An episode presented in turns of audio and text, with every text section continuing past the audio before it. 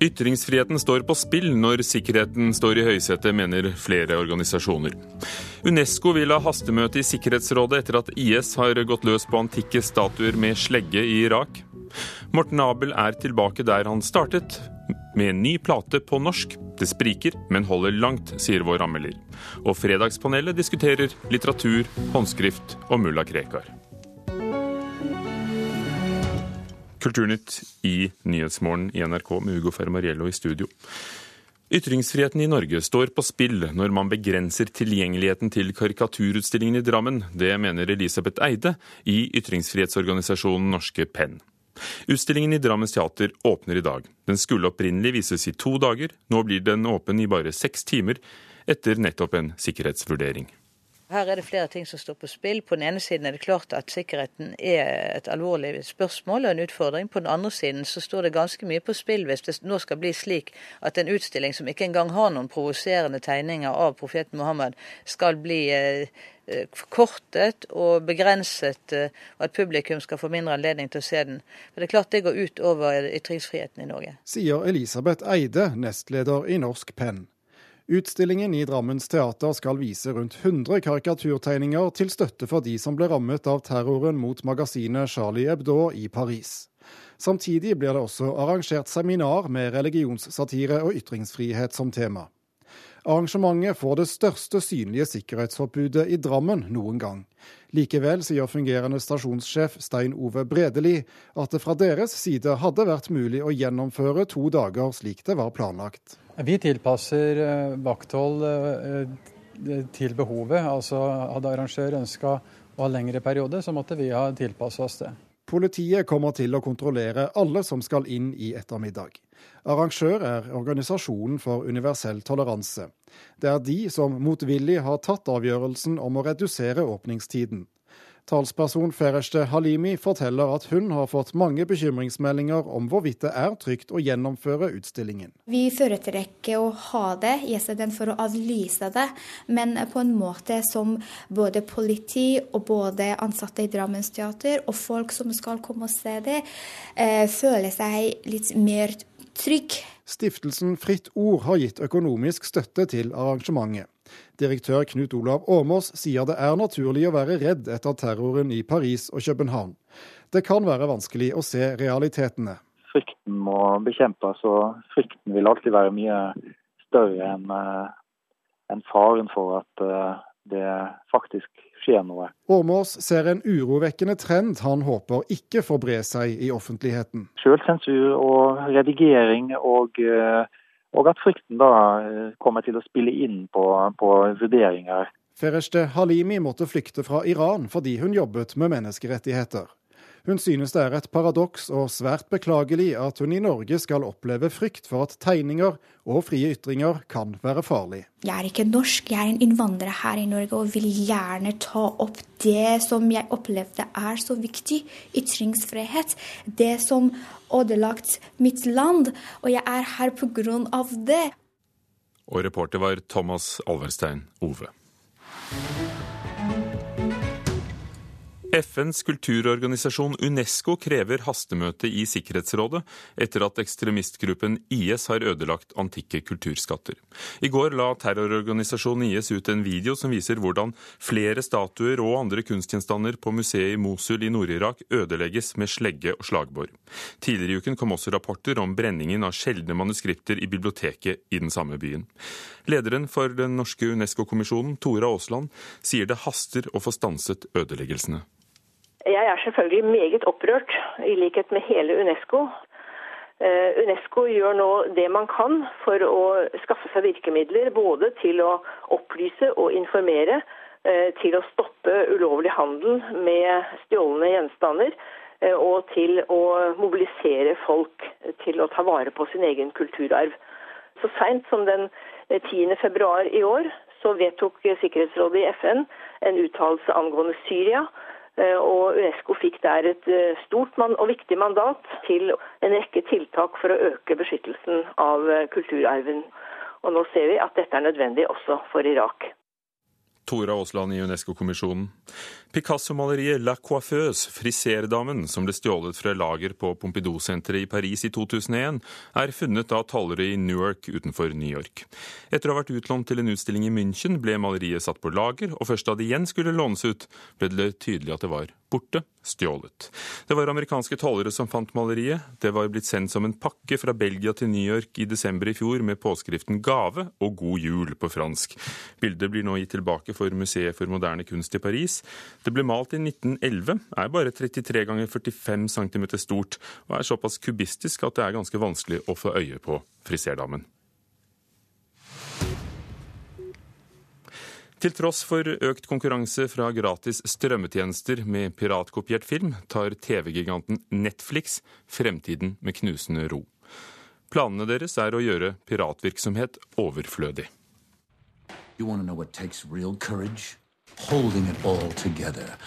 I dag slippes samtlige episoder av den tredje sesongen av den svært populære Netflix-serien House of Cards for de som abonnerer. Det vil si, om kort tid vil de samme episodene også bli gjort tilgjengelig på uoffisielle nettsider, piratkopiert. Um,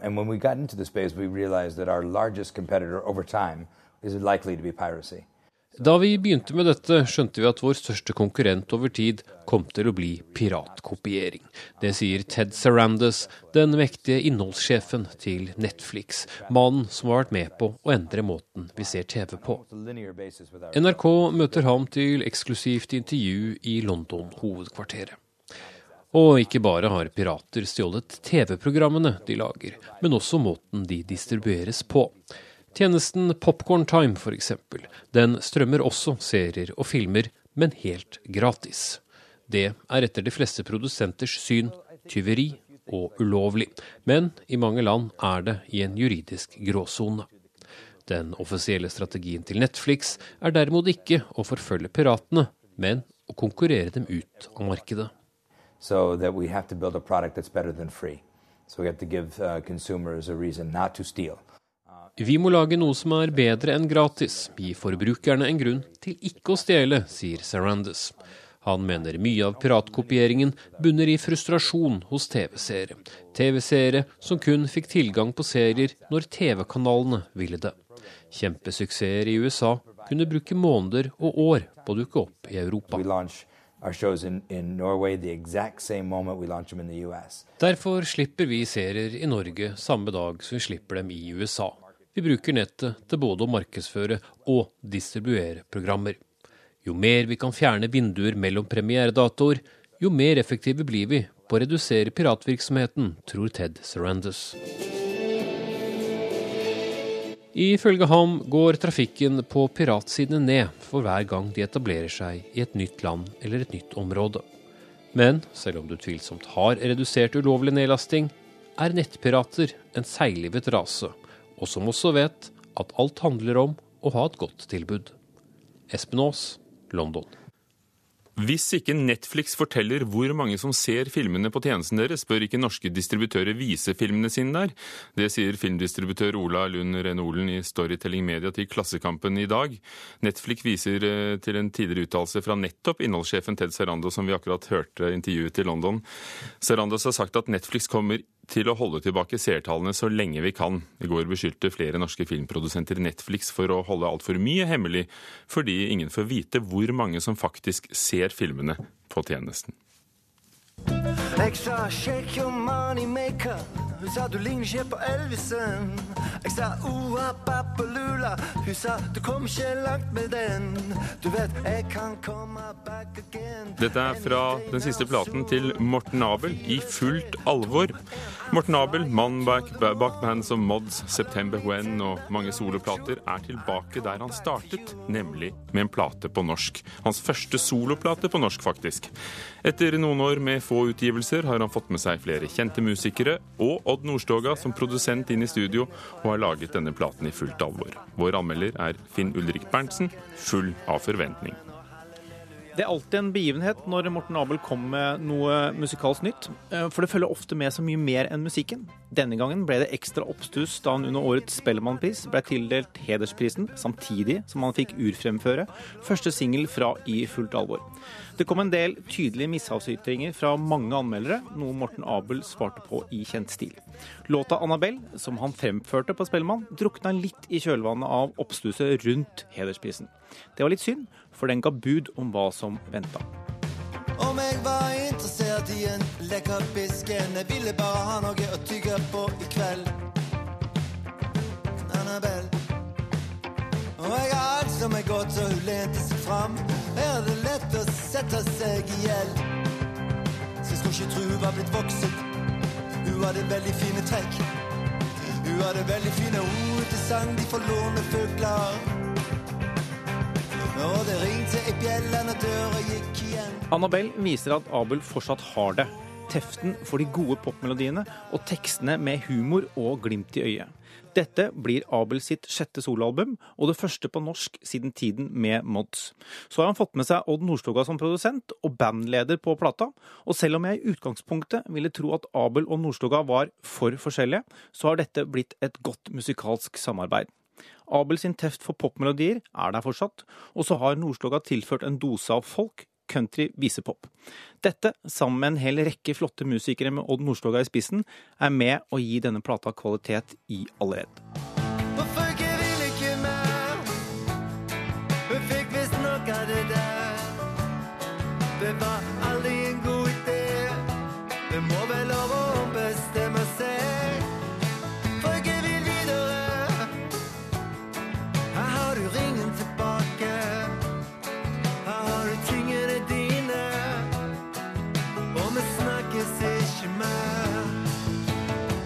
Kvalitet er det også blitt på låtskriversiden. Abel har fått med seg Arne Hodda som låtskriver på ni av de elleve låtene. Hodda har jo skrevet for artister som Robbie Williams og Tim McRaw, så det står ikke på erfaringen. I fullt alvor inneholder naturlig nok mye pop, popballader, men også elementer som country, folk og faktisk litt kabaret. Hvis jeg skal utsette på noe, så er det at det musikalsk kan bli litt vel stort sprik. Tekstmessig er dette på mange måter Abel i et kjent landskap. Mye humor, som i Annabelle, Frøken Villike og Sånn danse fa, men det er også såre tekster om kjærlighet, usikkerhet om ting som er forbi. Abel skriver sjelden dårlige tekster. Det gjør han heller ikke denne gangen, men det er ikke alle som treffer like bra. Konklusjonen er at Morten Abel med i fullt alvor har laget en stødig plate, og det var hyggelig å høre ham på norsk igjen. Det var litt sprikende, men det holder langt, og jeg håper han gjør det igjen. Lag under lange drag, holdt vi for lenge på. Syv segl som stjernene skinte på, men som jeg aldri så. Så nå legger jeg fra land, jeg har tenkt meg om, det er vel kanskje på tide. Sett mitt hjerte i brann, gi meg ungdom, gi meg aldri fred.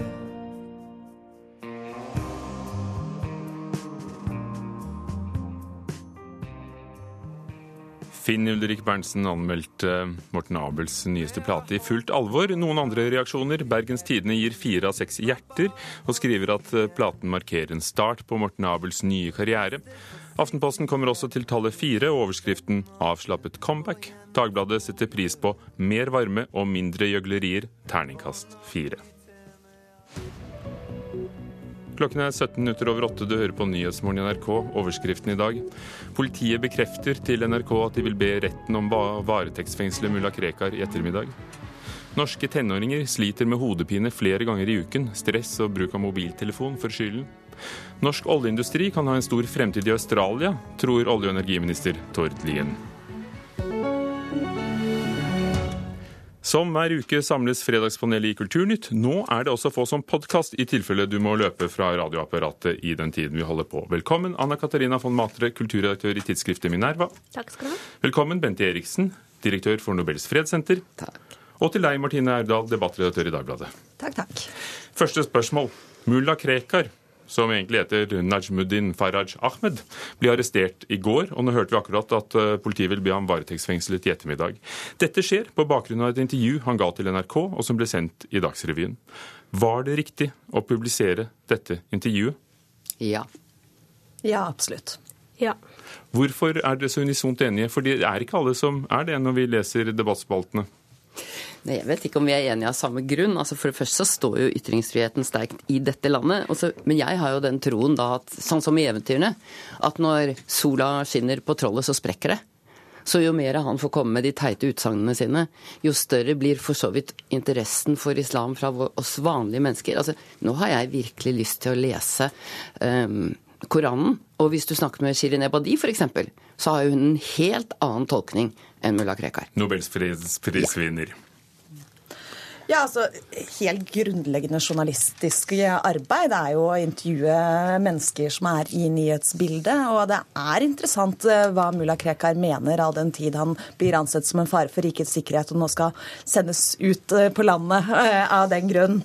Så jeg mener det er helt åpenbart interessant. Jeg ser uh, Hilde Sandvik i BT i dag mener at dette ikke er journalistikk. Det er jeg grunnleggende uenig med henne i. Uh, hun hevder at dette er Eh, kjent fra før og overhodet ingen nyhet. Men det er altså likevel en såpass stor nyhet at det borger for en eh, ny eh, fengsling fra politiets side. Så dette er interessant for allmennheten. Det er viktig for å kunne imøtegå det han sier, som Ed Eriksen forbilledlig forklarer. Og det er jo også viktig å kunne føre den Eh, teologiske debatten i de muslimske miljøene som, eh, som nettopp imøtegår de utsagnene hans. Og Anna, Hva er din grunn for å hevde at dette var bra? Eh, nå kan jeg kanskje være litt mer kritisk igjen, da, siden vi har på en måte dekket de gode grunnene til å publisere det. Uh, altså, tankesett som fører til vold og ekstremisme, det bør man eksponere. Uh, det som gjør det litt problematisk akkurat i dette tilfellet, det er at han har fått lov til å komme med ganske direkte drapstrusler på Dagsrevyen. Um, som nå har ført til at han er blitt arrestert. Da uh, kan man jo man kan si NRK legitimerer på ingen måte de standpunktene. De uh, hadde en fin ramme rundt intervjuet. Muslimer som snakket om at dette er ikke noe, en del av det de tror på. Um, men spørsmålet er jo på en måte likevel hvis noe skulle skje nå, da har NRK noe ansvar? Det Man kan på en måte prinsipielt sett se for seg at de har det. Men jeg tror jo at mulla Krekar er uansett et tastetrykk under de som vil finne han. Uh, og derfor så mener jeg at det, det, tross alt var greit å publisere. Men det er jo sånn som Harald Stanghelle sa tidligere i dag, at nå reiser eh, muslimer seg og sier nei, nei, nei til mulla Krekar. Altså Det har jo skjedd den siste uken, og jeg tror det er veldig bra. Han sa også en annen ting. Han snakker og, og sender i på sin frekvens, og vi lytter på vår. Ja. Um, han har kanskje flere publikum, slik at uh, det er ikke alle som hører det, som hører det samme som du hører. Nei, det, det er ikke alle som hører Nei, altså, teite uttalelser, som var det ordet du brukte. Av og til så tenker jeg at liksom politiet, da, som gjør feil rett som det er, hvorfor kan de ikke gjøre en feil til? Kyrksæter, ja. Nei, å, fly gikk til Kurdistan. Eh, du brukte ordet teit, men hvor går grensen mellom teit og farlig? Nei, det er klart at for meg er det vanskelig å ta han alvorlig, men det er klart at det er farlig, og det er godt at han blir satt i at de nå vurderer å sette han i varetekt. Ja. Den menigheten som du spør om, den har han jo allerede kanaler til å snakke til. Eh, jeg fulgte for noen år tilbake, eh, via tolk selvfølgelig, noen av de forumene hvor Krekar holdt jevnlige taler, eh, og hvor han hadde mye av den samme retorikken som han nå fremfører i full offentlighet, men der han framførte den i fora der ingen sa imot, men hvor de møttes nettopp for å lytte til han som en, som en skriftlærd uten å møte motforestillinger. Og Sånn sett så er det bedre å ta det i åpent lende der han tross alt blir arrestert for meningene sine. Vi bytter tema. Det er pinlig for norske kulturredaktører at de ikke har anmeldt boken til Kristine Næss, sa Kritikerlaget denne uken. Romanen hennes 'Bare et menneske' er nominert til Nordisk råds litteraturpris, kanskje den gjeveste av prisene som, som er her i, i, i, Norge og Norden. Men ingen av de største mediehusene, ikke NRK heller, nei, har anmeldt den. Bare Klassekampen og Morgenbladet. Er det pinlig at boken har gått veldig mange hus forbi, Anna? Nei. Martine? Ja, absolutt. Ja, veldig. Eh, men vi, vi, Skal vi begynne med nei? Ja, fordi Ja. det er jo noe noen har gått glipp av her. Ja da, det er det. Uh, og det er viktig at norsk litteratur, norsk kunst, blir anmeldt, uh, også i de store mediene. Uh, det er sånn folk får høre om det, og det er sånn vi holder kunstnerne og forfatterne litt i ørene, sånn at de er skjerpet. Men jeg tenker at det er ikke alt som må anmeldes overalt. Det er det første argumentet. Og så er det på en måte Ja, det er jo, det er jo uheldig, men det, har jo ikke, det, det er jo ingen overraskelse på en måte etter at eh, Ta VG, da, eksempel, som har nå gjennomsnittlig én anmeldelse i uken, at de akkurat ikke skulle ta denne anmeldelsen. Det, det er kanskje litt eh, Et kapittel for seg. VG er et kapittel for seg, men det, er, det kuttes litt overalt eh, i, i anmeldelser. Så det er kanskje ikke så rart. Og, og når det kommer masse bøker samtidig på høsten, eh, med det formatet som man ofte har på anmeldelser, som er, med, som er veldig korte, så, så, så blir det vanskelig å, publisere en anmeldelse kanskje to måneder seinere. Martin, du følte deg litt truffet på vegne av av redaksjonen, kanskje? Ja, jeg syns det. Eh, Litteratur er viktig for Dagbladet. Vi anmelder 300 bøker i året, og vi ønsker å være en guide til god litteratur. Og da er det selvfølgelig pinlig når det er en bok som blir, eh, blir eh, nominert Nordisk råd som vi ikke har anmeldt. Vi skulle ønske at vi gjorde det. Den, det er jo forklaringer, det du er inne på. Altså, Den kom midt i bokhøsten, og det var travelt, og da kan ting glippe. Men, men vi syns jo det er litt flaut. Og så er det sånn at dette skjedde jo også en gang tidligere, eh, da vi fremdeles eh, kunne anmelde samtlige norske skjønnlitterære bøker eh, som kom ut. Da Jørgen Norheim ble, ble nominert til Nordisk råds litteraturpris, så var anmeldelsen ferdig, skrevet, men lå på vent. Ble selvfølgelig raskt satt på trykk neste dag, hvorpå anmelder Inger Bensrud fikk skeptiske telefoner fra samtlige andre medier som lurte på hvordan det var å anmelde en bok på én dag. Eh, Fordi forklaringen her er jo at det kommer så fryktelig mange, og de kommer samtidig. Ja, men altså, jeg tenker, Hvorfor har man et kritikerkorps? Jo, det er for å holde oss leserne orientert om ja, godbitene og hvor vi burde styre unna, kanskje. da. Eller hvilke interesser vi har. Jeg syns det er kjempefeigt å skylde på forlaget. Altså, De har jo en forpliktelse til å holde seg orientert, tenker jeg da. Så, Og, og det, uten forkleinelse altså hun, hun er jo ikke noen hvem som helst, da. Og uten forkleinelse for hun Navara Skaranger, som har skrevet en riktig underholdende bok. Da var de der alle sammen ikke sant, og sa at dette var et uh, veldig originalt susjett. Men jeg mener, hun når jo ikke Kristine Næss til anklene engang når det kommer til hva skal man si, å være forfatter. Så, så hva er løsningen da, Martine Aurdal, som sitter midt i redaksjonen? Er det å ta alt, eller er det Det kommer så mange norske bøker nå at det tror jeg rett og slett ikke vi får til. Men vi må bare ta det som en påminnelse om at vi må lete enda bedre og, og gå gjennom listene våre en ekstra gang. om det å skrive? Sylfes Lomheim, språkprofessor, tidligere kjent direktør for eh, Språkrådet. Han advarer mot bruken av nettbrett. Nå er det kommet enda en skole som har delt ut eh, nettbrett til alle elevene, en av de første, eh, på Sørlandet. Han er redd for at de slutter å skrive for hånd. Er det lurt å avskaffe håndskriften? Nei. Nei. Nei, men jeg er ikke enig i spørsmålet. Nei, kom igjen, formuler det, du. Hvordan burde det låte? Nei, men jeg tenker, Er det håndskrift vi er mest opptatt av, eller er det norsken som sådan?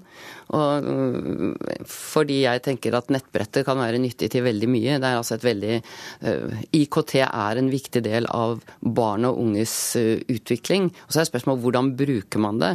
Og hvis håndskriften bidrar til god norsk, ja, utmerket. Hvis håndskriften bare skal holdes ved like, vel, Jeg tror ikke han tenkte på julekortene, jeg tror han tenkte på at det var et middel til læring. Hva tror dere? Altså, hvis man kan få ja takk begge deler, så er jo det selvfølgelig eh, best. Min datter på fire har også sitt eget nettbrett. Eh, Men jeg er jo opptatt av håndskriften. Jeg jobber i et yrke der eh, det er helt avgjørende. Bruker det hver dag. Eh, Og jeg har hatt stor nytte av mine straffelekser i skjønnskrift på barneskolen, rett og slett.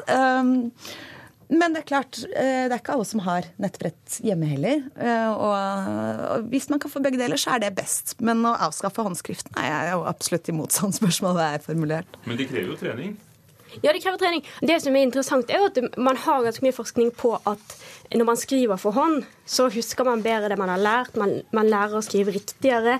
Det er mm, positivt for barns utvikling. Så det er ganske mye som taler for at barn bør skrive altså rett og slett for å skrive.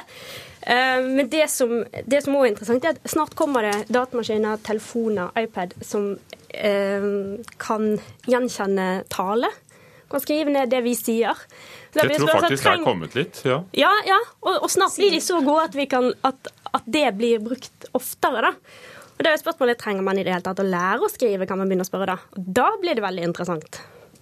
Jeg traff en gammel mann som selger skrivemaskiner, og han sier at det kommer unge mennesker som gjerne vil ha dem, for da blir de ikke distrahert av å gå på internett uh, innimellom når de skriver sine første romaner og noveller. Men det er klart det handler om et presisjonsnivå, og der kan selvfølgelig nettbrettene ha en styrke. Jeg er ikke så presis når jeg bruker håndskrift, for å si det på den måten, men det er klart at å lære å skrive er ekstremt viktig. Der er vi enige. Jeg lurer på om presisjonen går nesten motsatt vei med meg. At jeg skriver, når jeg skriver eh, for hånd, så skriver, eh, skriver jeg færre ganger, så jeg konsentrerer meg mer. Mens når jeg skriver på maskin, som jeg jo gjør eh, mest, så skriver jeg gjerne en kommentar en fem-seks ganger og kaster mesteparten. Takk skal dere ha, Fredagspanelet, som besto av Martine Aurdal, debattredaktør i Dagbladet, Bente Eriksen, direktør for Nobels fredssenter, og Anna Katarina von Matre, kulturredaktør i Minerva. Og du kan altså høre oss på podkast. Fredagspanelet er fra forrige uke å få som en egen liten podkast. Meld deg på, du finner det på nrk.no. I Kulturnytt i dag har vi hørt at uh, Flere organisasjoner frykter for ytringsfriheten når sikkerheten står i høysetet, som under den karikaturutstillingen som åpner i Drammen i dag. Unesco krever hastemøte i Sikkerhetsrådet etter at IS har ødelagt antikke statuer i Mosul i Nord-Irak med slegge. Og Morten Abel er tilbake der han startet, og det er en plate som sprikker, men holder langt på vei, sier vår anmelder om i fullt alvor. Hans Ole Hummelvold var teknisk ansvarlig, Vidar sin produsent, Hugo Fermarello programleder.